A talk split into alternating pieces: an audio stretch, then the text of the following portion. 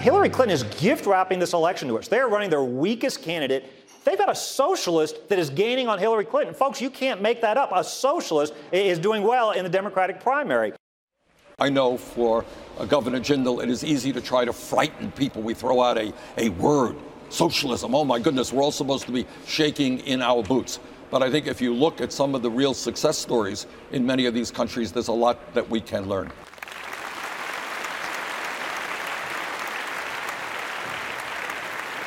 Hjärtligt välkomna till podcasten som heter Magnus och Peppes podcast som sänds här ifrån Santa Monica, California, USA.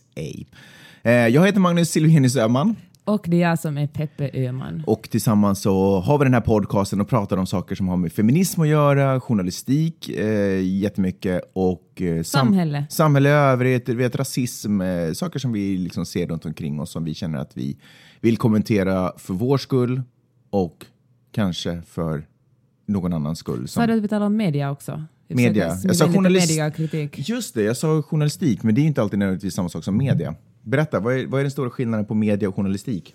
Media kan väl vara nästan vad som helst. Internet är ett medium. Och Ja, medium, TV är ett medium. Mm, just det. Medan journalistik handlar om någon som granskar och ifrågasätter och förklarar. Just det. Man har kanske mer ansvar om man är en journalist än om man bara är en vanlig mediearbetare. Mm. Om man jobbar med media så kan man till exempel jobba på Paradise Hotel. Precis. Mm. Och det är något fel med det. Nej, Nej det är Eller absolut kanske inte. det är lite. Ja, vi har ju en kompis här som jobbar som uh, nattredaktör på Paradise Hotel för några år sedan. Alltså, jag ska inte sticka under stol med att mitt drömjobb, alla kategorier, skulle vara att vara programledare på Paradise Hotel. Du har till och med sagt det åt uh, Ja, jag- Zodiacs uh, VD. Ja, utan att jag visste att Zodiac var... Nej, det, det visste jag faktiskt Mhm. Du inte. passar bara på att smyga in ja, ditt drömjobb jag till... känner nu i efterhand hur du framstod så, men det var verkligen inte så. Men får jag säga, Frida som jobbar som uh, nattredaktör på Paradise Hotel för många herrans år sedan. Nattredaktör, det är... Och Hon sa att hon fick hålla koll på kamerorna på natten och så fort ett uh, samlag uppstod så skulle hon uh, trycka Bevaka på... det. Trycka på räck. Precis. Okej, så hon har sett alla samlag under den Ja. säsongen? Och hon sa att hon kan verkligen inte kolla på det programmet längre för hon tycker det är så hemskt. Ja. Det, hin- alltså jag kollar ju på det. Ja, alltså, det är ju ett av våra favoritnöjen. Det, det visas alldeles för sällan eh, enligt oss, eller hur? Eller? Fast om jag ska få ändra på Jaha, du en lämnar mig ensam med det. Okej, skönt. Tack. så skulle jag önska att jag skulle vara lite äldre. Jag känner att liksom, den 19 år, de är ju så här 19, det är väl 23 där och yngsta är 19. Mm. Och då tänker jag att ska man kunna justera upp åldern pyttelite? Ska man kunna ha det omkring 25? Det skulle kännas Varför då? mindre smutsigt. Man är ju så himla, man är ju ett barn. Man är ju myndig. Ja, men man Då måste vi ändå, kanske justera upp eh, den lagstadgade vuxenåldersgränsen. Men du vet att ens hjärna har ännu inte slutat utvecklas, växa när man är 19, 20, 22. När slutar den utvecklas? Jag tror att efter 25 Jag någon gång. Jag kände att det lät så. Vissa mer tidigt än andra. Men då tänker jag att, att de här, alltså det, vissa, det går ju bra för vissa som har varit med i Paradise men det kan ju också vara att man eh, gör sådana saker som Men vänta, definiera efteråt. det går bra för vissa som har varit med i Paradise Hotel. Nå, en del gifter sig med prinsar, Är det sant? Är det så? ja. Jaha. Och andra gör musik, inom situationstecken. Nej, alltså om du, om du pratar om Samir så är det ju bra, det är bra låtar. Mm. Fast det är inte han nödvändigtvis som har gjort dem. Och vet du, eh, ja. Ja, ja okej. Men okej, men vänta, vänta. Jag, jag tänker så här, kanske det är inte så farligt. Vad fan, eh, folk får jobba liksom, kanske det är inte så farligt. Vi har alla gjort våra dumheter när vi är 20 och det är kanske bara jag som är en, en gammal generation som tycker att det är skämmigt att ha sex på TV. Mm. Det är ju kanske inte alls skämmigt. Folk gör dumheter och uh, let bygons be bygons. Så går vi alla vidare i livet och ska, Nej, men man ska ju inte döma varandra för man har... Får jag helt ärligt säga en, eh, kanske en konstig grej? Jag inser ju nu att vi lever i en tidsålder där, alltså vi lever ju i Sodom och Gomorra, det är ju ingen snack om saken. Alltså. Men en av de positiva sakerna med det där programmet eh, tycker jag ändå är Fan vad roligt att vi faktiskt börjar prata om Paradise Hotel. Okej, men i alla fall. Men en av de positiva sakerna med programmet är ju den här öppna sexualiteten tycker jag. Att du vet, de skäms ju inte för någonting. Killar hånglar med killar. Alla du vet, att det är på något sätt, de är fria i sin sexualitet. Sant, det tycker jag är superpositivt Men samtidigt är det supersunkiga och gamla könsroller. Så Fair enough. en, Ja, en kille haft sex så high-fivar alla honom Ja. och säger att fan du fick henne medan brudarna är lite sådär att fniss, hehe, nej jag vill inte säga om vi hade sex eller inte. Mm. Jo, okej, alltså, jag ser också mycket mörka sidor där. men, jag tycker en, men om jag måste pinpointa någon, någonting positivt så tycker jag ändå hur bekväma alla verkar vara i sin sexualitet. Inte nödvändigtvis sin könsroll, men sin, i sin sexualitet. Det som är sjukt ledsamt är ju hur lite de kan och hur lite de har uppskattat skolgång. Liksom. På något sätt. Det tycker jag. Ser du så? Nej men du vet, i vad var det, senaste avsnittet vi såg så skulle de försöka nämna kroppsdelarna på en kvinna. Men du vet, de bara vet ingenting när man hör hur de diskuterar. Nu, jag förstår ju också att produktionen förmodligen har valt ut de, de liksom mest osmickrande klippen, liksom, eller osmickrade citaten. Anyways, de är fortfarande sagda någonstans. Men eh, i alla Okej, fall. en, en fråga till. Magnus, hur skulle du göra det annorlunda som programledare? Eh, Eller en hurdan programledare skulle du Nej, vara? men vad, vad taskig du är, vad svårt. Ehm, jag, nej, jag vet inte. Jag tror, jag tror bara att... eh, jag tror att jag kanske skulle prata mer med dem, liksom. ha mer, eh, mer, eh, mer snack med dem. Liksom. Jag, jag tror att det var lite så mer förr. Ställa mer feministiska frågor kanske? Nej, ja, eller... ja, jag vet inte. Alltså, det är jag tror att det skulle vara svårt för mig att balansera på att inte göra mig lustig på deras bekostnad. För det tycker, kanske, det tycker jag kanske inte produktionen behöver mer. Du behöver inte hjälp med det. Nej, men kanske mer sådär bara, hur tänkte du där liksom? Varför tror du att, eh, hur tror du att hon eller han skulle reagera när det gjordes så? Varför? Ja, Men du vet på något sätt, såhär, Mm. kanske ifrågasätta mer. Kanske dra in en lite jour- journalistisk approach i det hela. Eh, Okej, jag vet inte. Jag vet inte. Men jag skulle verkligen vilja prata med dem mer. Det, det är nog det helt klart. Okej, när den hela arbetsansökan är över kan vi gå vidare till jag skäms så mycket. Jag sitter här och våra andra teman. Jag sitter här och svettas som bara den nu. Jag känner mig så otroligt skämmig. Skämskudde. Kan vi snacka förresten lite om, bara om ordet skämskudde? Eh, som verkar vara ett supertrendigt ord. Var kommer det ifrån? Men det har väl funnits jättelänge. Ja, men jag har, det är bara det att jag kanske de senaste veckan har hört i massvis med podcaster så har folk använt ordet skämskudde. Det är att man sitter i soffan Jo, alltså, jag fattar vad det betyder. eh, pinsamt och man vill bara gömma sig. Men är det inte otroligt pinsamt att använda sig av ordet skämskudde? jag tycker det är kanske det mest skämmiga i hela den meningen som folk använder. Anyway, that's just me talking. Um, hörni, Över till amerikansk politik. nej egentligen inte faktiskt. Nu var det lite olyckligt att det var Bernie Sanders som vi hörde här i början tillsammans med den här um, republikanska presidentkandidaten Bobby Jindal som jag faktiskt egentligen aldrig hade hört talas om innan republikanernas eh, debatt sinsemellan. Eh, vilket fall som helst, det, det som jag, an, anledningen till att jag valde det här klippet är för att de tog upp ordet socialism som är förknippat med, alltså det är typ en av de värsta saker man kan anklaga en politiker för att vara i det här landet, socialist. Och, och politiker för det mesta undviker in i det sista att använda det. Det är roligt, det finns, jag har sett på Youtube typ, så här klipp där, där, där en politiker just har varit på väg att säga det men sen bara svalt ordet och försökt hitta ett annat sätt att säga samma sak på egentligen. Eh, men jag tänkte prata om, eller jag skulle vilja att, eh, eller jag tycker att det är intressant hur det ordet som i, i Sverige tycker jag inte har den klangen alls förstås. För att vi är ett ganska socialistiskt land. Och i Finland också i och för sig, att det är ett ganska socia, socialistiskt system. Och hur det kan vara så otroligt tabubelagt och förknippat med bara dåliga saker. Eh, på samma sätt eh, som till exempel eh, ordet eh, anarkism är ett jättefult ord, tycker jag. Eller Alltså negativa eh, konnotationer. jättenegativa grejer. Om, om, om jag skulle säga att jag var anarkist så skulle ni få ganska dåliga bilder. i- Eller ni, ni skulle genast måla upp en bild av hur jag är som person kan jag tänka mig. Jag ser dig framför mig med en, en sån här en mask över ansiktet och springer du omkring med en fackla och bränner ner saker. Okej, ja, jag, jag tänker mig kanske en... Kanske svartklädd. Eh, Ja, precis. Svartklädd och sen då förstås anarkimärket sprayet på ryggen. Lite punk, tänker jag också. Eh, mycket sådana värderingar.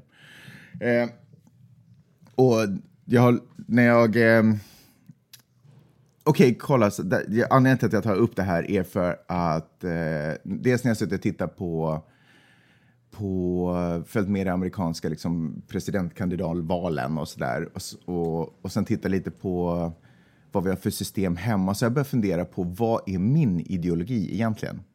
Och det värsta är att jag kom verkligen, eller värsta, jag kom verkligen fram till att det närmaste jag kan hitta är att jag egentligen är anarkist faktiskt. Ehm, därför att jag tycker inte att, eller jag tror inte på systemet där det finns en ledare egentligen. Men berätta då, vad betyder anarki? No, om, alltså, jag har inte, min research är inte färdig. Det här är det närmaste jag kommer nu. Så jag kan mycket väl säga saker som är helt uppåt väggarna nu. Eh, så ha överseende med det. Men så som jag förstått det, så för det första så anarki kommer från, om jag, tror, jag tror att det är det grekiska ordet anarki, som betyder utan härskare. Och vad det egentligen handlar om att man bygger upp ett system där eh, givande är i fokus, inte tagande. Eh, man har ingen ledare och man har inga lagar och regler utan man litar på, man utgår hela tiden från människans goda egenskaper och att man tar hand om varandra och att man hjälper om man kan. Man ägnar sig åt byteshandel mer än man, man kan nog ha liksom eh, valuta Vänta, nu måste jag säga så att jag säger rätt. Är det valuta eller pengar? Jag tror att de, alla de här sakerna är betydligt olika saker. Eh, man kan nog använda sig av sådana saker, men det handlar väldigt mycket om att ge snarare än att ta. Eh, det finns exempel, jag tror att de flesta exempel på liksom terror när det kommer till anarki är väl då när, när en massa vänsterrörelser tillsammans med anarkister i Spanien försökte stoppa Franco att komma upp till makten. För då hade ju alla gevär och sprang runt och sköt och anarkister anklagas jätteofta för att vara de som stod för de grövsta um, morden. Bruka våld. Eh, Ja, det grövsta våldet där. Eh, det finns ju, jag kan tänka mig att anarkistiska rörelser skulle förklara det på ett annat sätt och jag tänker inte lägga mig i det. Men, men, men det finns också exempel från Spanien där det, de eh, på vissa områden faktiskt motade bort Francos styrkor och kunde leva enligt ett anarkistiskt system i fred och det funkade väldigt bra. Sen kom ju Franco ändå till makten och, och sköt, liksom tog ju bort alltihopa och mördade all, alla. Eh, men vilket fall som helst, eh, det som var intre- det som, eh, men bara just de här ordens betydelse. För, eh, jag har värsta monologen här nu, du får, du, får, Men så är det ju alltid. du får dyka in om du har någonting att säga. För sen så har jag också börjat, sen så har jag tittat på en dokumentär som heter Cowspiracy. Vänta, vänta, innan du kommer till det, Jaha. kan vi backa bandet lite? Okej. För jag säger någonting om socialism, att Ja. det värsta man kan säga här, Ja. här i det här landet var socialist. För det upplevde jag också när jag pluggade på USC. Folk var superbelästa, jätteduktiga, men eh, jätterädda för att säga eh, att de är socialister eller tror på ett, så- ett sånt system. Och, eh, och många liksom förklara, liksom ville förklara liksom kring det. De sa att eh, de tror nog på socialdemokrati. Och de tror liksom på att eh, man ska vara en social, liksom man ska ett, ett, en sociala strukturer. Men det här själva ordet social, att vara liksom socialist, det, var, det är ungefär samma sak som att kommunist. Och, men, Och är det inte så att vi i Sverige och jag tror också Finland är sociala demokratier? Alltså att det är det som är vår tit- eller liksom, det är det statsskicket? Eller är vi socialistiska länder? är vi inte demokratier? Jo, men eh, jag menar... Det beror ju på vilket system vi har. Ah, Okej, Vad whatever. som- Förlåt. Continue. Anyway, så, men och till exempel ordet propaganda är ju väldigt starkt förknippat med, med ko- kommunism och, och USA, socialism. Och, men innan, innan uh, världskrigen så talade man, använde, man ordet propaganda var liksom samma sak som att göra reklam. Men någonstans efter andra och början av första världskriget så måste kriget så måste USA liksom, eh, jag vill vara motpolen, måste bestämma. Det var det värsta man kunde vara, man jagar ju kommunister och, och socialister här. Och för att särskilja sig från dem så bestämde man att, att, eh, det, att kapitalismen är det bästa som finns. Allt ondskefullt har med kommunism och socialism att göra och det goda är kapitalismen för kapitalismen gör att alla kan göra vad de vill. Det är frihet och då är alla rika och, Det och, låter som och, liberalism egentligen. och systemet sköter sig själv. Liksom. Det har visat sig att det inte riktigt är så här.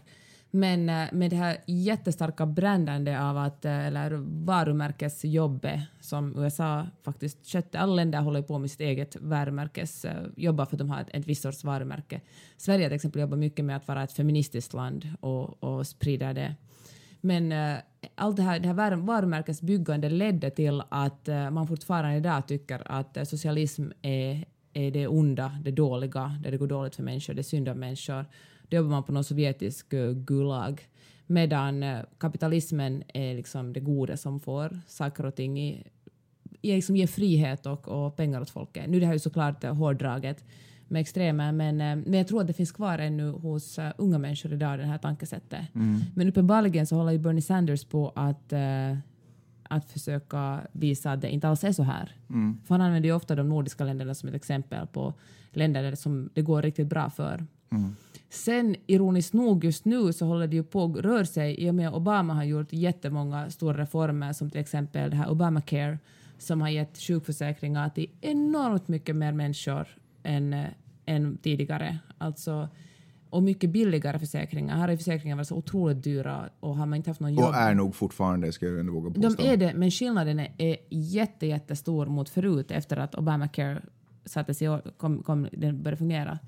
Medan man, eh, det här nu också, jag menar inte att USA på något sätt skulle vara en mer socia, ett mer socialt land, men USA rör sig på många sätt mot, eh, lite mot eh, det nordiska systemet, åtminstone under Obama, det kan ju hända vad som helst sen om det blir en republikansk president.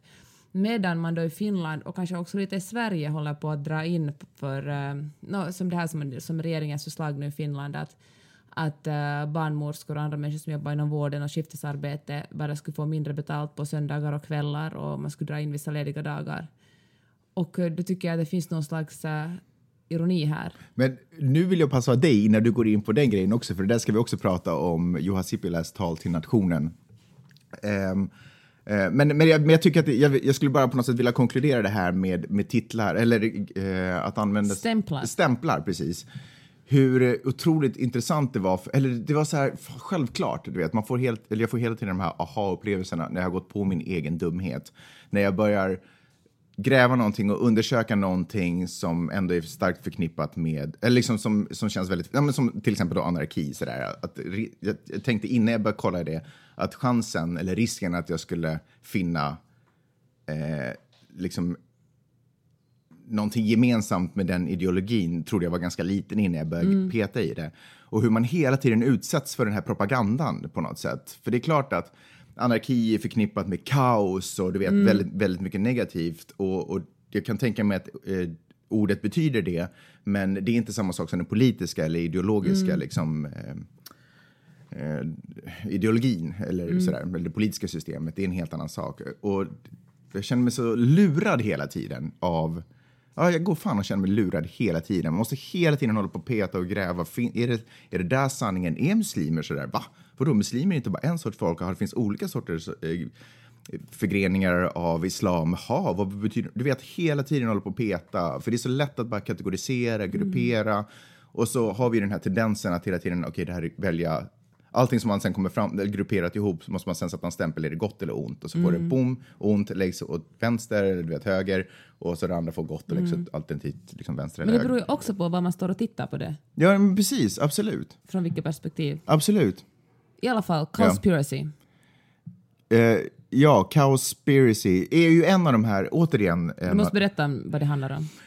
eh, så det är en... Eh, oh, alltså, Eller ska jag berätta? För Nej, du men- talar så otroligt mycket. Ja, jag vet. Fast får jag bara säga en sak när det kommer till... Eh, det jag tänkte Får jag bara hålla en monolog på en kvart? Sen får du säga nej, sluta. Eh, för det jag tänkte säga var att det är en dokumentär, men i något skede måste vi också lite snacka om vad som går in under titeln dokumentär. För det, kommer ju, ett jätte, det finns ju jättemycket så här, inom citationstecken dokumentärer på Youtube där det är egentligen bara människor som proppar ut sin egen propaganda. Liksom. Att så här ser världen ut på det här sättet, så här fungerar det här, så här fungerar det. Är det verkligen dokumentärer? Det borde vi också sätta oss ner och... För det är så lätt att finns det referera någonting som till... är helt objektivt och det finns ju ingenting som det finns ingenting som är helt objektivt. Man kan försöka Nej, vara opartisk. det är sant. Och det är det som journalister ska vara, försöka ta, ta information från så många håll som möjligt och förklara dem. Fair enough, men jag kan tycka en hint om huruvida det är en dokumentär eller inte. Sen, kan man ju också göra lite research på, är personen som står bakom de här, finns det någon journalistisk eh, utbildning i den här personen överhuvudtaget? Men en liten hint om huruvida det är en dokumentär eller inte tycker jag är, hörs dokumentärmakaren mest själv eller är det liksom intervjuer, möter vi andra människor och, eller platser eller värld, du vet någonting sånt. Ja, sant. Var är fokus? Men okej, tillbaka till Cowspiracy. Den, hand, det är alltså en dokumentär, lite så här Michael Moore-anda, en så här lätt och ganska underhållande dokumentär där eh, Populistisk nästan. Ja, men, men jag känner att ibland behövs det sånt för att, eh, för att få fram ett budskap. som eh, en liten pojke på en strand. Ja. Vill du tala om det också? Talade vi inte om det senast? Ja, men du, var ju, du har ju varit ganska mycket emot det. Men så här, var jag, så här tycker jag om, om, eh, om att eh, lägga ut bilder på döda barn. Jag tycker att det är osmakligt, men om man gör det så måste man göra det i ett sammanhang med en historia och förklara varför man gör det. Ja. Inte bara sprida bilder på döda barn med rubriken “Titta här”. Nej, förlåt, jag vill, jag, det var dumt att gå dit. Men eh, hoppa in i Cowspiracy då det är alltså en dokumentär som handlar om hur, mycket, hur stor belastning köttätande är på miljön och att köttätande är lätt by far den största belastningen. Mycket värre än att åka bil eller flyga eller duscha jättelänge eller att uh, vad man än kan hitta på är, är köttätande det värsta vi kan göra för miljön. Och uh, det räcker inte med att sluta äta kött en dag i veckan, vi borde fan alla bli veganer. Mm. Och, uh, och också en bra sak, slutar vi åka bil, slutar vi helt åka bil och flyg så skulle det ta hundra år, eller liksom dra ner på det så mycket det bara går, skulle det, skulle ta hundra år innan uh, koldioxidutsläppen på något sätt repar sig. Men genom att sluta äta kött så kan vi göra en jätte, jätte snabb förändring. Men nu känns det mer som att du propagerar för att inte äta kött snarare än att du berättar om vad Cowspiracy handlar om. Det var en väldigt bra dokumentär. för den passar din ideologi ganska bra. Den var, jag skulle, kanske jag tar, presenterar en lite mer neutral presentation av vad, vad dokumentären Cowspiracy handlar om. Det handlar om en snubbe som hade snubblat över informationen om... Eh, han hade snubblat över egentligen en rapport från, eh, från Food, FN. Ja, precis. Food and Agriculture Organization i, under FN då. Som hade släppt en rapport 2006 eh, om, som visar att eh, Ja, helt enkelt att livestock, alltså eh, boskap, boskap bosk, boskapsskötsel och boskapsuppfostring. Det är min uppgift i den här podcasten. När du kommer på ett ord på svenska ska jag flika in det. Det är svårt, för jag har nyss läst informationen på engelska så det är jättesvårt att... Det är svårt när man är så van med det amerikanska sluta språket. Tenta dig, sluta tenta dig. Eh, det, här, du igen? det här hade fått honom att vara så här, what? För han hade försökt vara, ända sedan Al Gore kom ut med filmen The Unconvenient Truth, så hade han försökt göra allt han kan för att skära ner på sitt eh, koldioxidfotavtryck eh, på jorden. Eh, och så hade han hållit på med det här i flera år. Jag vet inte när den filmen kom ut, men det kanske var 2006 i och för sig. Eh, och, och sen ändå under hela det här engagemanget som han har gått igenom så läser han hela tiden rapporter om att allting blir värre och värre och värre. Och så snupp, och han är så här, hur fan är det möjligt när vi alla ändå försöker göra bättre ifrån oss hela tiden? Du vet, källsorterar och allt vi pysslar med. Eh, byta ut glödlampor och cyklar till jobbet och allt sånt där. Och sen så snubblade han över den här uh, rapporten då från Food Agriculture som organisation som säger att då boskap och uppfostring av den formen av animalisk animaligheter eh, hitta på ord här i desperation, eh, att det skulle vara liksom den största boven. Och då blir han sådär, what? Och så börjar han kolla runt på olika... Eh, han kollar med Greenpeace. Klim, ja, med Greenpeace och an, med andra sådana som värnar om naturen och djur och alltihopa och, och hittade ingen information om det här. Utan alla rekommenderar att man ska sluta köra bil och sluta flyga och du vet vad det nu kan vara. Ingen tog någonsin upp det här med köttproduktionen. Och det tyckte han var superskumt. Och så gjorde han en dokumentär om det här, helt enkelt. Där han visade hur, eller dels po poängterade hur underligt det är att de här organisationerna inte nämner någonting om det här och dels också visar hur mycket köttproduktion står för när det kommer till växthusgaser, inte bara koldioxid. För kanske inte så mycket koldioxid, men det finns en massa andra gaser som är mycket mer potenta, enligt den här dokumentären, mycket mer potenta växthusgaser än vad koldioxid de facto är. Mm. Så. Så med resultat av att titta på den här dokumentären så uh, jag är ju en väldigt lättpåverkad person. redan när, vi, när jag läste boken, den här Saffron Forward-boken. Jonathan Saffron First, Eating Animals. Mm, så uh, då fick jag superäckel för att äta kyckling för jag tyckte det är så hemskt. Varför Och, tyckte du det? För att de bara, det är så därför att ingen bryr sig om dem. Du vet, när det kommer till grisar och kor, då, då kommer det alltid fram argument om att du vet, det är intelligenta djur, det är eh, och kor är ju stora så det är lättare att känna, liksom, ha någon form av empati för dem. Deras stora, fuktiga, mörka ögon. Ja, och så låter de kanske när de blir skjutna eller du vet, och så blir det så påtagligt när det liksom ska sågas upp i mitten och alla de här bilderna mm. ser vi och vi ser, du vet när de trängs så ser de ju verkligen trängda. Liksom, mm. Liksom, man, man ser det, man kan på något sätt sätta sig själv kanske in i den situation. Men på något sätt, det är lättare att väcka empati. Men fåglar, ingen jävel bryr sig om fåglar. Du vet, de åker genom rotorblad, det är ingen som bryr Du vet, det är liksom... Det är bara, de bara, jag tror att det var Louis CK som sa att uh, de är bara lägst på vår hierarki. Liksom. Mm. Ingen bryr sig. De får leva i 21 dagar och sen Ja, pump, ja, men det är bara så vidrigt. Men, så det eh, kändes äckligt liksom. Men det, det, är ju, jag vill inte, alltså jag tycker det är bra att du slutar äta fåglar, men eh, det betyder alltså det är fortfarande vidrigheter som kossor och grisar Jo, jo. också utsätts för. Men lyssna, så kollade jag på den här uh, dokumentären då, Cowspiracy, och så kände jag så här, ja ah, vad fan, jag kan nog inte liksom hålla på att äta kött längre. Det är, det är liksom, jag bara ser framför mig alla gånger som jag sitter på, eller vi går, man går på en ny restaurang och så ser man att de har hamburgare på menyn, så bara, ja ah, men jag tar en hamburgare, slipper jag hålla på och kolla igenom den här menyn. Jag vet att hamburgare är gott, så det här kommer gå bra liksom. Alla de här slentriangångerna som jag äter kött, det är kanske mer det, du vet. Vad ska jag ha på mackan? Uh, Ja, men jag slänger på den här skinkan, du vet. Så inte, vad finns det mer att jobba med, du vet. Utan bara de här lätta besluten, därför att kött är hela tiden framför en på något sätt. Det är så lätt att gå förbi disken och bara, vad ska vi äta? Men bacon och du vet, allt det här. Så det kände jag, "Nej, men jag måste skärpa mig, jag kan inte hålla på så här. Det är, du vet, rätt eller... Han kanske inte har 100% rätt i den, här dokument, i den här dokumentären, men jag har väldigt svårt ändå. Bara genom när vi, åkte, när vi tog bilresan upp till San Francisco och åkte förbi de här enorma områdena med bara kor. Liksom. Kilometer efter kilometer, svarta kor på svart mark som bara stod där. Så de finns ju, de här. Det finns ju det här och alla vet ju att Amazonas sågas ner för att kor ska få äta. Liksom.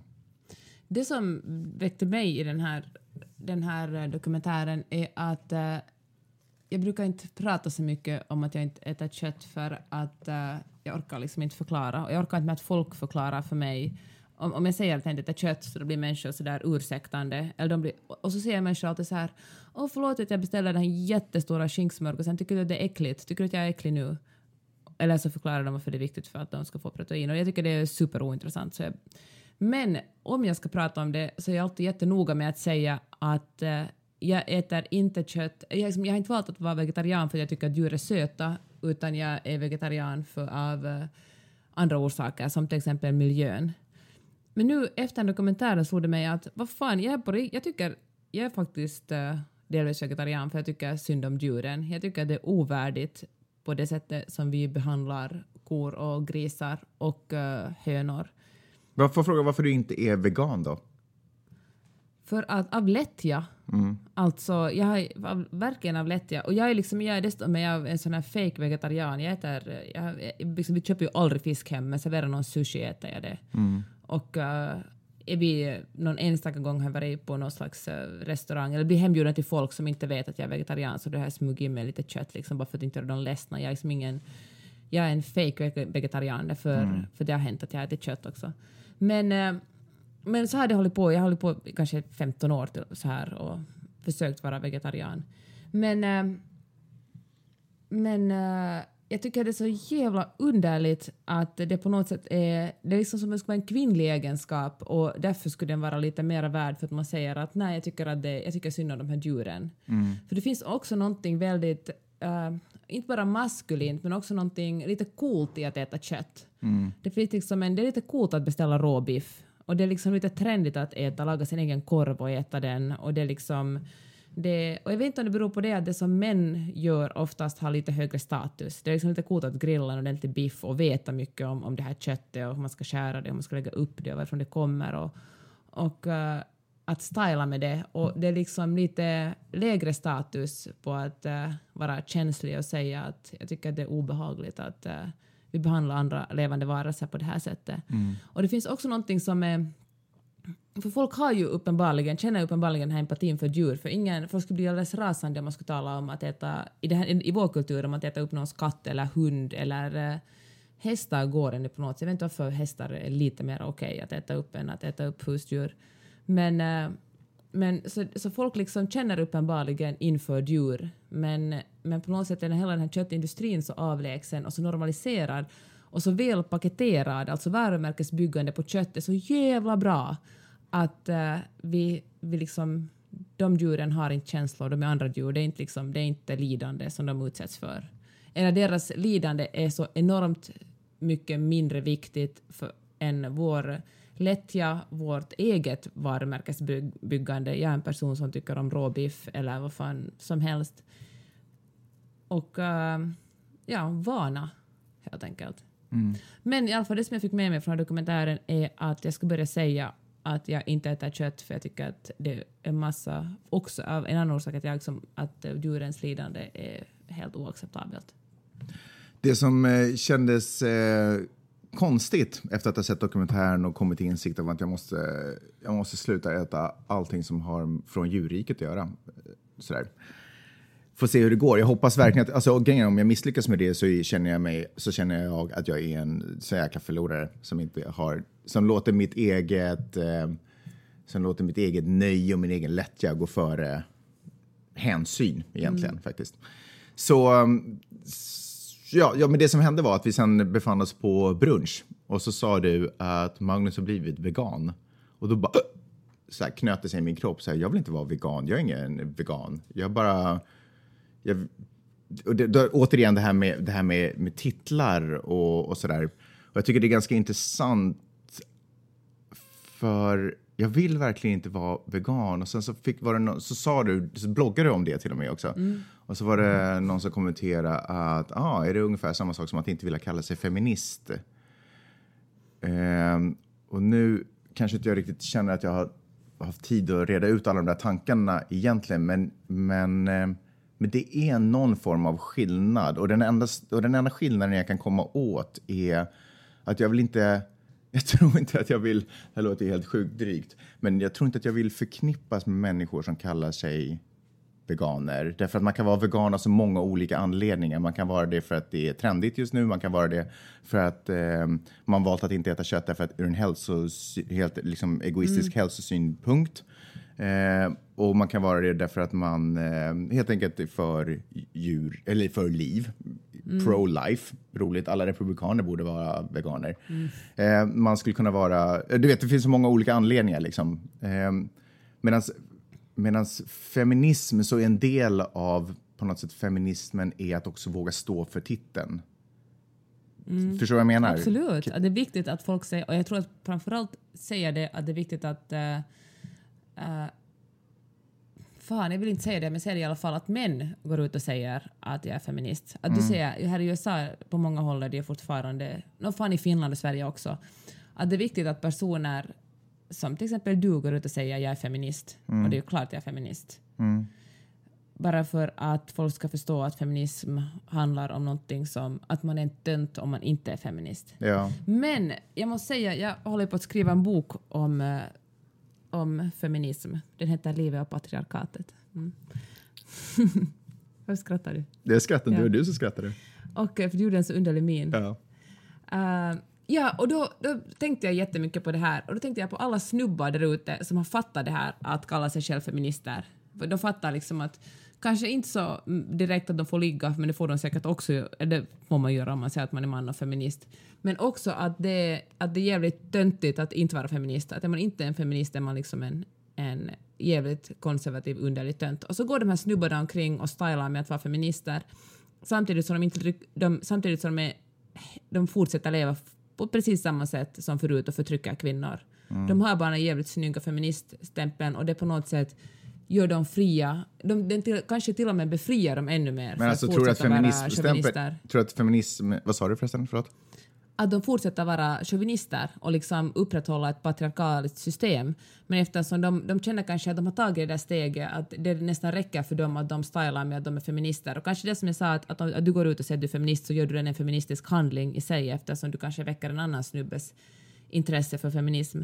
Men de här snubbarna, de, de, de, stämp, de har den här de har den här namnbrickan där det står feminism och så tycker de att de Det är bara en snygg jacka liksom? Ja som får uh, ge dem punani och, och liksom kärlek. Men sen är de samma douchebags innerst fortfarande i sina handlingar. Mm.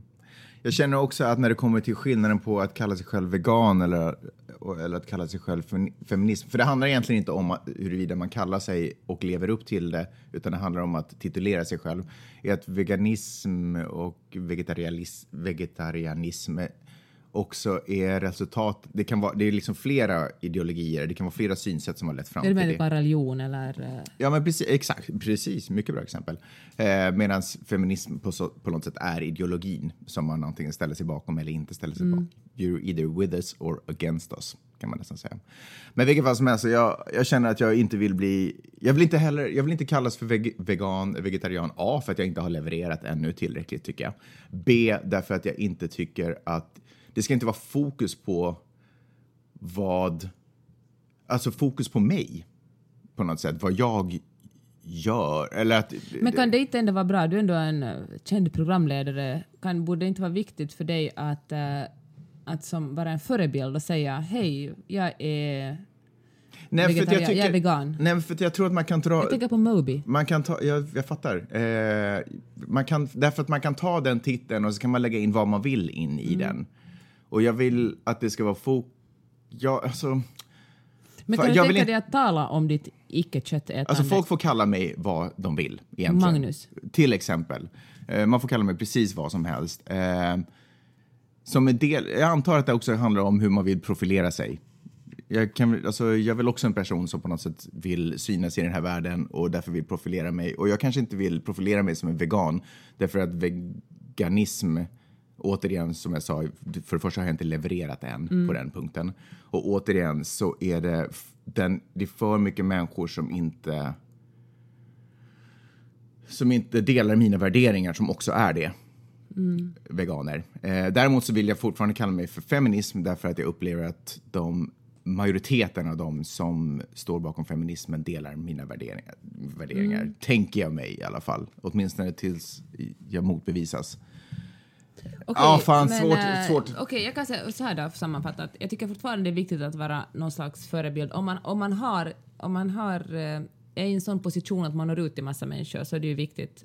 Då är det kanske inte helt dåligt att du talar om att varför du väljer att inte äta kött. Ja, men jag, skulle hellre, jag skulle hellre kallas för miljöaktivist även fast jag inte upplever att jag liksom har levererat där heller. Men jag skulle hellre ses på någon, som någon miljövärnare eller planetvärnare eller du vet jordvärnare snarare än att jag skulle kallas för vegan. För det är inte, liksom, jag vill inte att fokus ska vara på vad jag stoppar in i min mun utan fokus ska vara på vad som behövs göras på jorden. Liksom. Okej, nu förstår jag. Alltså det handlar, nu förstår jag precis. Det handlar mindre om exakt vad du äter, mer om Ja. att det som allihopa äter gör att eh, vi inte har någon jord att leverera åt våra barn och precis. barnbarn. Jag vill inte att det ska vara så åh du äter bara grönsaker. Nej, jag äter det som jag upplever jag kan äta utan att någon tar skada på något sätt. För jag antar att det är en så gott som hopplös uppgift, men du vet, på något sätt försöka, det är liksom det som är målet. Det är det som är utmaningen för mig. Hör du, ska vi lämna det här för ett tag? Okej. Och när jag säger ett tag så menar jag typ för evigt. Nej, jag skojar. Vi kan ta upp det nästa vecka. Och sen så går vi istället till Juha Sipilä. Okej, alltså han- Finlands statsminister. Precis, hans tal till nationen som är unikt. Jag tänkte säga på flera sätt, men jag kommer egentligen bara på, eller som är anmärkningsvärd egentligen bara, bara på ett sätt och det är att det är inte så ofta en statsminister i Finland håller ett tal till nationen. Och det verkar som att det bara görs när det på riktigt är kris. Varför kan man till exempel inte bara, nu går det skitbra, nu vill jag ha tal till nationen och komma med goda, ett peptalk, du vet, ett bra... Men gör inte alltid presidenten det... eh, Nyårstalet på- typ, eller? Ja, Är inte ett peptalk? Ja, det kanske det är. Ut med det gamla, in med det nya. Ja. Ja, det kanske det är. Eh, vilket fall som helst så höll han ett tal därför att Finland är i en eh, djup, djup, djup, djup, djup, djup, djup kris. Eh, senast man höll det här talet var alltså någon gång på 90-talet för att man då var inne i vad som jag Oj, ursäkta, det kom en liten rap. Eh, vad som närmast kan beskrivas som den finska depressionen, antar jag. Eller hur? En kris som sägs vara grundare än den ekonomiska krisen som Finland ligger i just nu. En kris som också la grunden till det inpyrda eller ingrodda föraktet och eh, eh, dåliga inställning till somalier. För att det kom nämligen en... Eh, det, kom, det invandrade mycket somalier under den här tiden också. Så de, förknipp, de ligger på något sätt känslomässigt kopplade till den här depressionen som Finland också är inne i. Så somalier har sedan dess alltid anklagats för allting ont och alla brott som typ sker i Finland sedan dess. Men det var lite sidospår. Okej, så uh, Juha s- håller ett tal där han säger att nu, kära finnare, nu måste, måste vi bita ihop och eh, dra fram den sisu som vi är kända för. Det är man ur huset, spotta i nävarna och, vi kan, eh, och så kan vi vända den här skutan. Det som slår mig är att det återigen är eh, arbetarna som ska spotta i nävarna och man ur huset. Det är inte liksom det är inte till det övre skiktet finländare som han... Som, ja, det kändes inte som det talet riktades till den övre, till den rikare kategorin finländare, utan det är återigen eh, sjuksköterskor, men- Skiftesarbetare. skiftesarbetare, ja precis. Som, eh, som på något sätt som min bild av dem är att de redan står på knäna och nu förväntas arbeta längre dagar och större grupper och mer tyngd på sina axlar. Större dagisgrupper. Ja. Men ska motiveras med nu drar vi igång vårt SISO igen. Men är lösningen att folk jobbar mer? För jag tycker att folk jobbar så jävla mycket. Och jag är alltså på riktigt orolig över många av mina vänner i Finland som är på gränsen till burnout. Folk liksom går, i, går till Alltså, du är ju själv på gränsen till burnout och då är du inte ens i landet. Men det är bara för att vi har så jävla hög hyra här. Ja, men du arbetar ju också på något sätt enligt en finsk mentalitet. Det är på något sätt sluta aldrig jobba.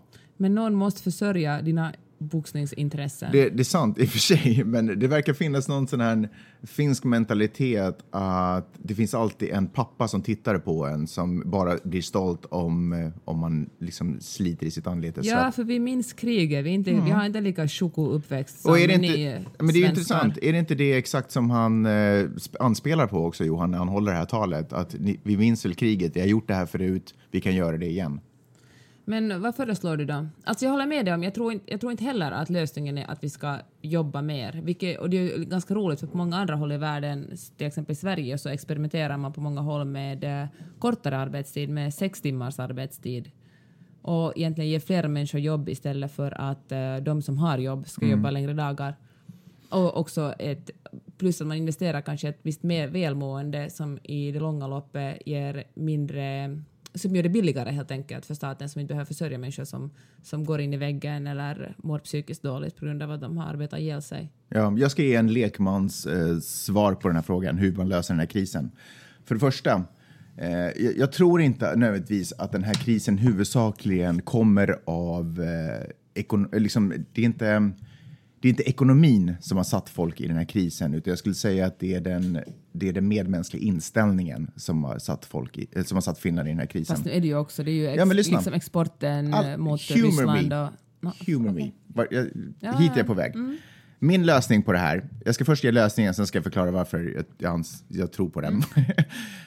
Min lösning på det här skulle vara att folk som, rika typer till exempel, som eh, du vet, ehm, folk som investerar i andra företag och vad kallas det, riskkapitalister och sådana rika människor som eh, trixar med sina pengar och eh, flyttar dem till Schweiz eller andra platser på jorden, inte betalar skatt hem, eh, avvisas ifrån landet. Därför att man kan bara vara medborgare om man bidrar till samhället. Så det är det första jag skulle göra. Och kvar i landet skulle folk vara som vill ha samhället, liksom, som ställer upp på samhället och som vill att samhället ska fungera. Man kan inte ha ett individualistiskt tankesätt och ett, eh, ett individualistiskt system där, där alltså, man kan inte ha ett anti-anarkistiskt system där det handlar bara om vad jag ska få ut av den här kakan eh, och samtidigt bygga ett samhälle. Därför att samhället bygger på att vi hjälper och stöder och, och du vet, fightas för varandra. Liksom.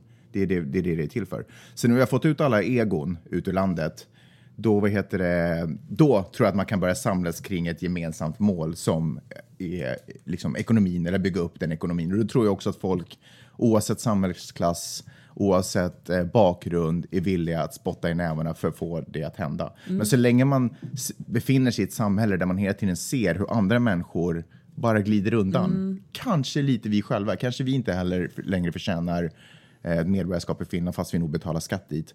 Eh, så, men du vet, folk som vill ha, folk som vill vara tillsammans, det är de som man kan sen få att jobba för det gemensamma målet.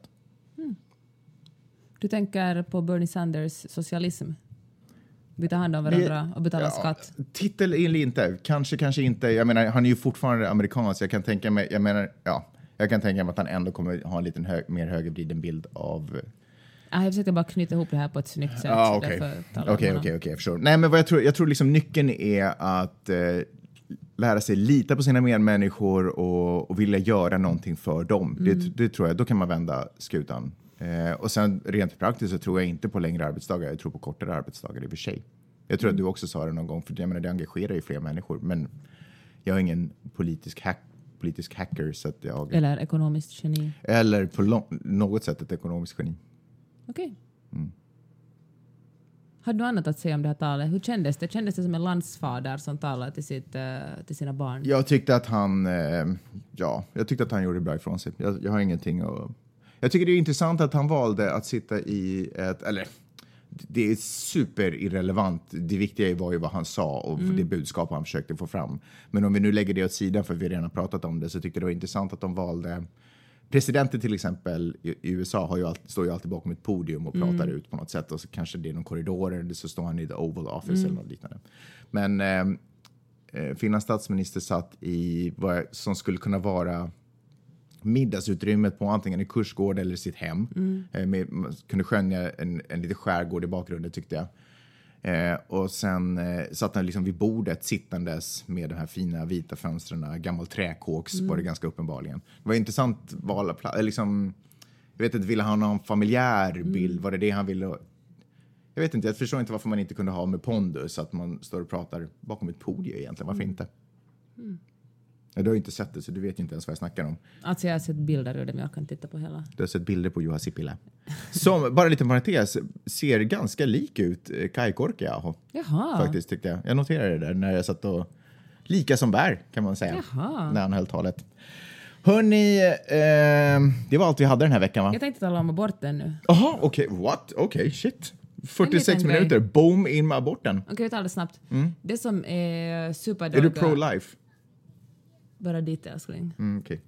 Eh, Pro-life alltså abortmotståndarna i det här landet. Och eh, till exempel, i många sydstater, till exempel då Texas som är den konservativaste av staterna, håller man på att göra lagstiftning eh, där, eh, som inskränker på aborträttigheten, eller rättigheterna, där man till exempel gjort det strängare för många abortkliniker att eh, det blir ekonomiskt tyngre för dem för de måste ha en massa, de måste ha en massa nya, det finns en massa nya förordningar som de måste bevisa att de faller inom. Plus att eh, det har blivit lättare att hävda att man på grund av religiös övertygelse inte kan, eh, kan utföra en abort. Och det har lett till att eh, det finns väl 40 abort, det har funnits, ännu för några år sedan fanns det 40 stycken abortkliniker.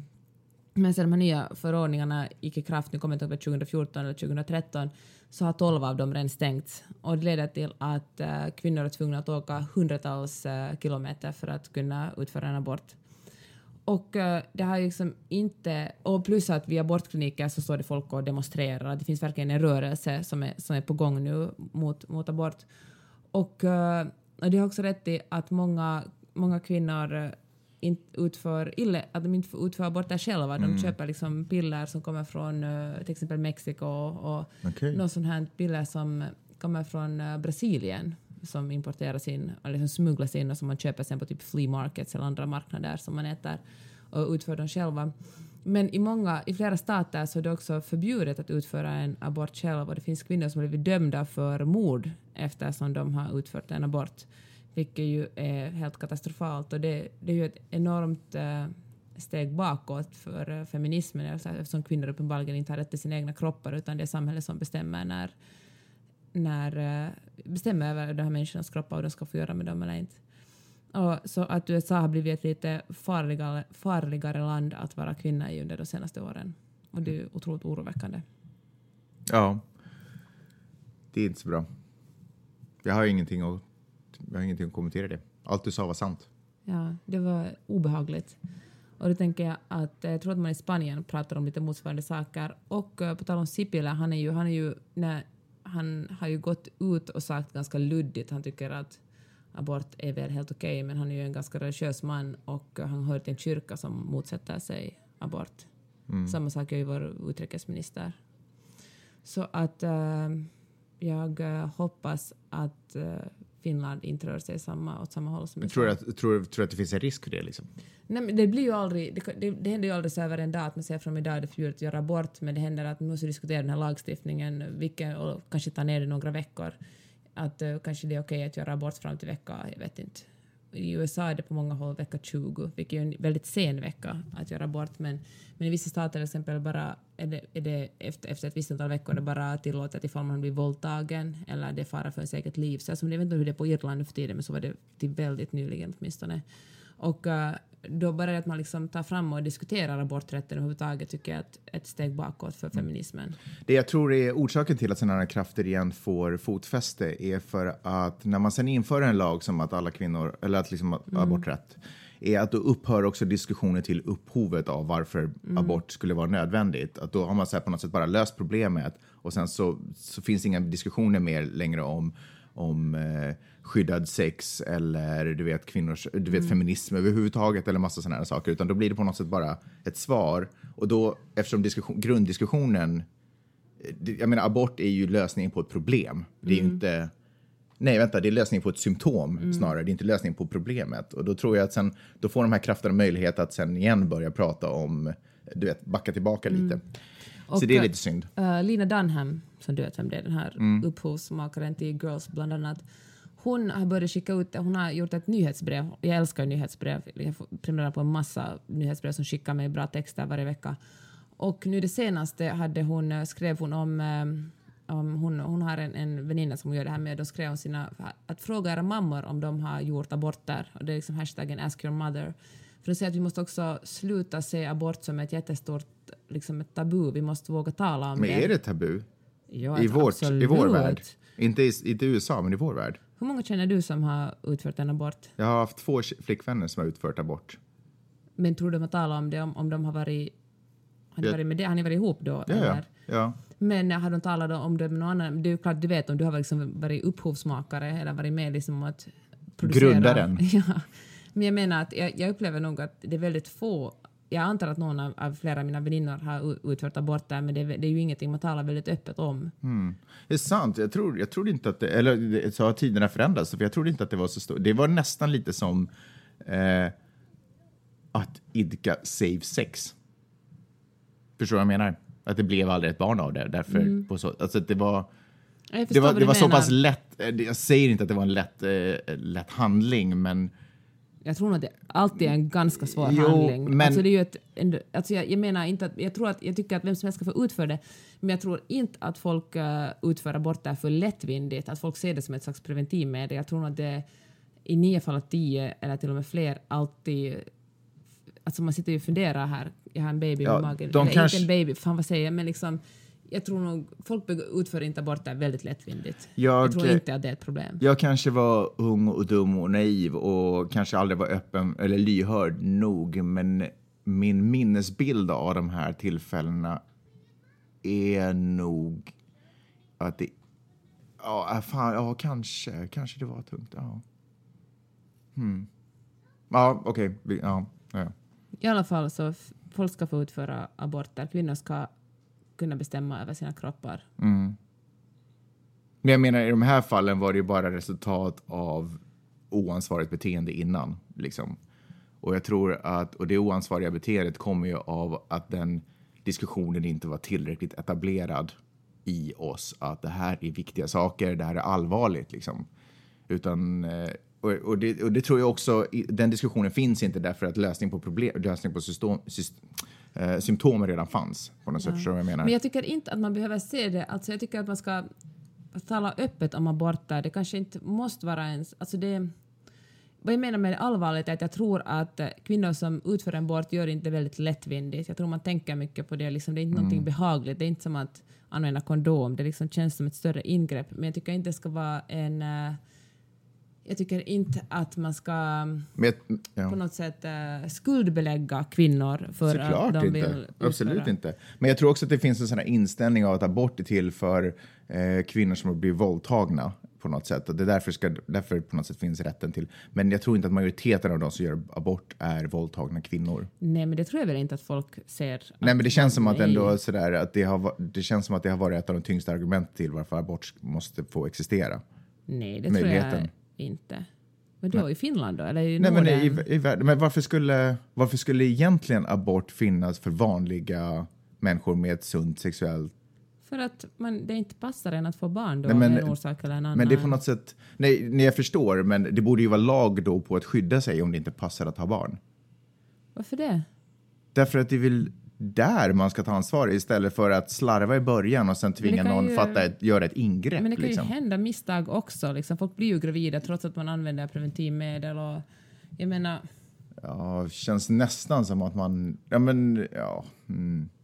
Men det, det är på något sätt, är det, jag tycker ändå att det är ju liksom själva, det är sexakten som är orsaken till aborten. Och om man inte tar ansvar för den akten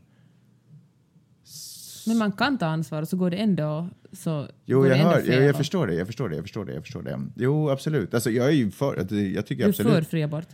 Det är klart att man ska få göra abort, absolut. Men jag tycker ändå kanske att det är, görs...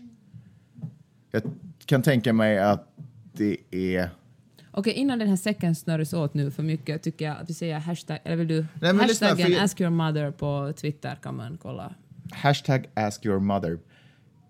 Jag, jag, har bara, jag har bara en feeling av... Jag, det här är inte baserat på någonting annat än min Det är egen... bara en killgissning. det är en eh, klissning. Eh, och det är att majoriteten av aborter som görs inte är på grund av våldtäkt eller på grund av otur, utan på grund av slarv.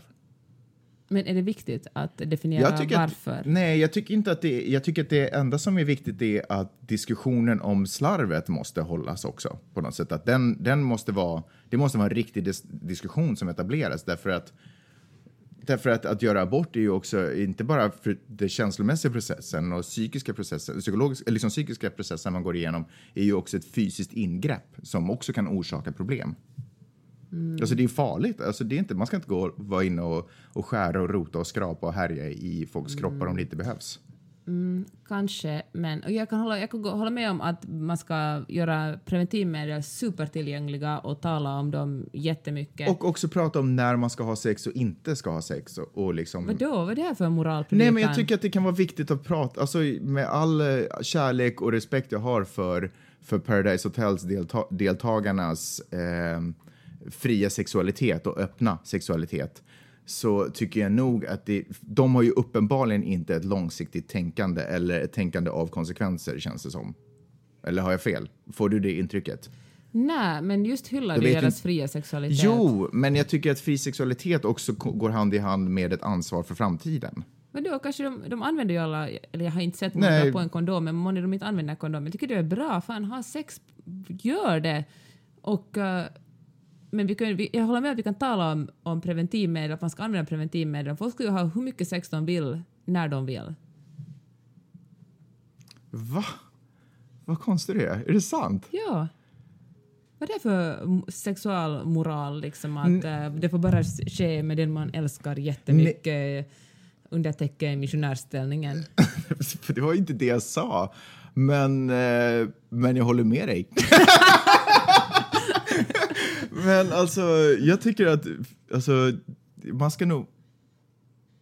Alltså, det är, jag, det är lite... Alltså, Alltså jag tycker att sexualmoral... det är som att äta kött. Man ska göra det, men man ska göra det med ansvar. Liksom. Man måste förstå vad det är man gör på något sätt. Äta, jämför du äta kött med att Ja, ha sex? därför att det, det, det är på något sätt samma tillfälliga dumma njutning. Liksom. Vad, vadå? Sex gör väl ingen illa? Sex gör väl bara människor glada, men om du äter kött gör du ju Men inte bara sex illa. kan ju också vara fullkomligt livsförändrande. Om man, som du sa, man hade otur, kondomen sprack, bam, fullkomligt livsförändrande.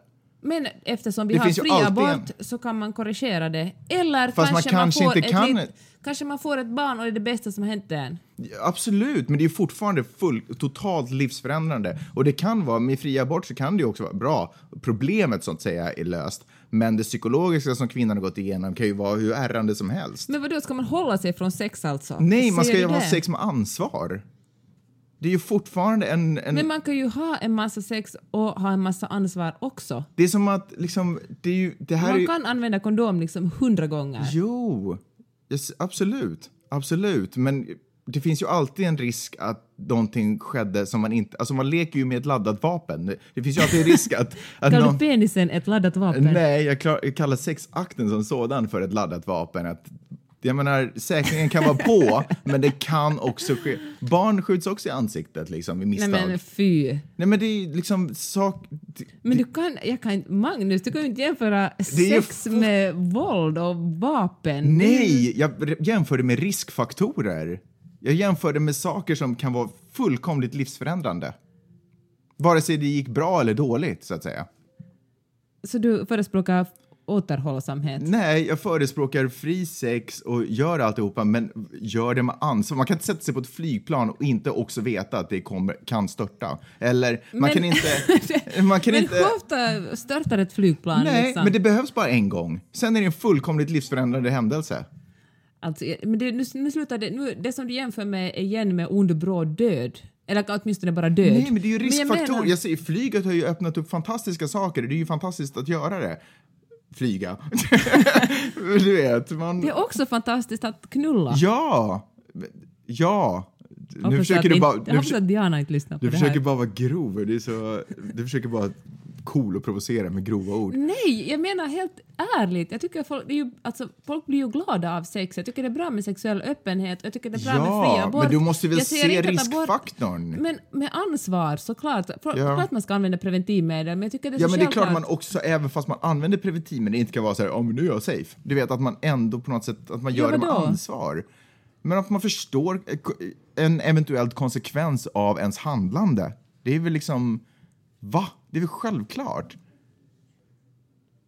Skämtar du med mig? Har- Ser du inte det så? Skämtar du med Du mig? tror att det bara är roligt att sexa runt? Nej, jag skojar bara. Nej, men, alltså, men det är väl klart, alltså, det, är väl en, det är väl en del av en mogen process att man tar eventuellt ett ansvar för en framtid, för Ja, som det är kan ju överens om. Men jag tycker ändå att, alltså, det är klart man ska ta ansvar. Men man kan ju, ansvar är ju... Jag, jag förstår inte Alltså- vad du menar i den här diskussionen. Jag förs- alltså, men det jag menar är att du är sådär, men vadå, sen löser jag aborten det. Nej, men aborten ska inte lösa Jag har aldrig problemet. sagt sådär, men vadå, du jo, det sa du ju. För sen Nej. kan ju någonting, uh, utöva fri sex, sen kan, oh, en kondom gick sönder. Skitsamma, Nej, jag sen tar har- aborten hand om det. Jag har sagt jättemånga gånger att man ska ha preventivmedel, men såklart att därför finns abort, för kan, abort finns ju inte till för våldtäkter som du sa. Nej. Att det, utan abort finns till För att, brustna kondomer. också, ja. Ja, jo, jo, men det gör det väl. Men jag menar att fokuset har flyttat till huruvida man, det ska finnas abort eller inte istället för att, eller inte, inte, inte istället, utan man har tagit, eller diskussionen kring handlingen är inte lika aktiv som lösningen på ett symptom. Och symptomet tycker jag är folk inte tar ansvar. Nej, vet du vad, alltså abort handlar om kvinnans rättigheter till sin kropp. Det handlar inte om att folk på något sätt har struntat i preventivmedel och nu bara liksom springer man ut och in i abortkliniker för att... Jag är fullkomligt att, med dig där, men en konsekvens är också det att alla vanliga människor som springer runt och har sex, där, där diskussioner som rätten till min kropp är en självklarhet och det är inte ens det som diskuteras, utan det enda som händer nu är att folk har bara massa oansvarigt sex. Nej, och vet du vad, nu har jag faktiskt ingen statistik, det här borde jag kolla upp för jag visste inte att vi skulle, jag skulle behöva ha, slänga fram den här statistiken. Men jag tror faktiskt inte att, abort, att liksom antalet aborter ökar i och med feminism, alltså att, att folk blir mer jämställda. Men det här är inte en feministisk fråga, det här är en sex, sexualundervisningsfråga. Alltså abortfrågan är ju en helt klar feministisk ja, fråga. men den påverkar ju också folk som bara lever, jag som tror inte jag tror, engagerar jag sig. har för mig att, faktiskt att antalet aborter minskar. Jag kan ha fel, måste kolla upp Det måste ju ha ökat sen det blev tillåtet i alla fall. Alltså, vadå, vadå minska? Vad pratar du om? Den har Nej, ju nej, bara, men- det har ju bara, det har bara varit två nej, lägen. Nej, men jag menar att, att i och med liksom på något sätt, du hävdar att folk har springer omkring och har jättemycket sex Ja, det med har varandra hela tiden. Ja, och det är ju bra tycker jag.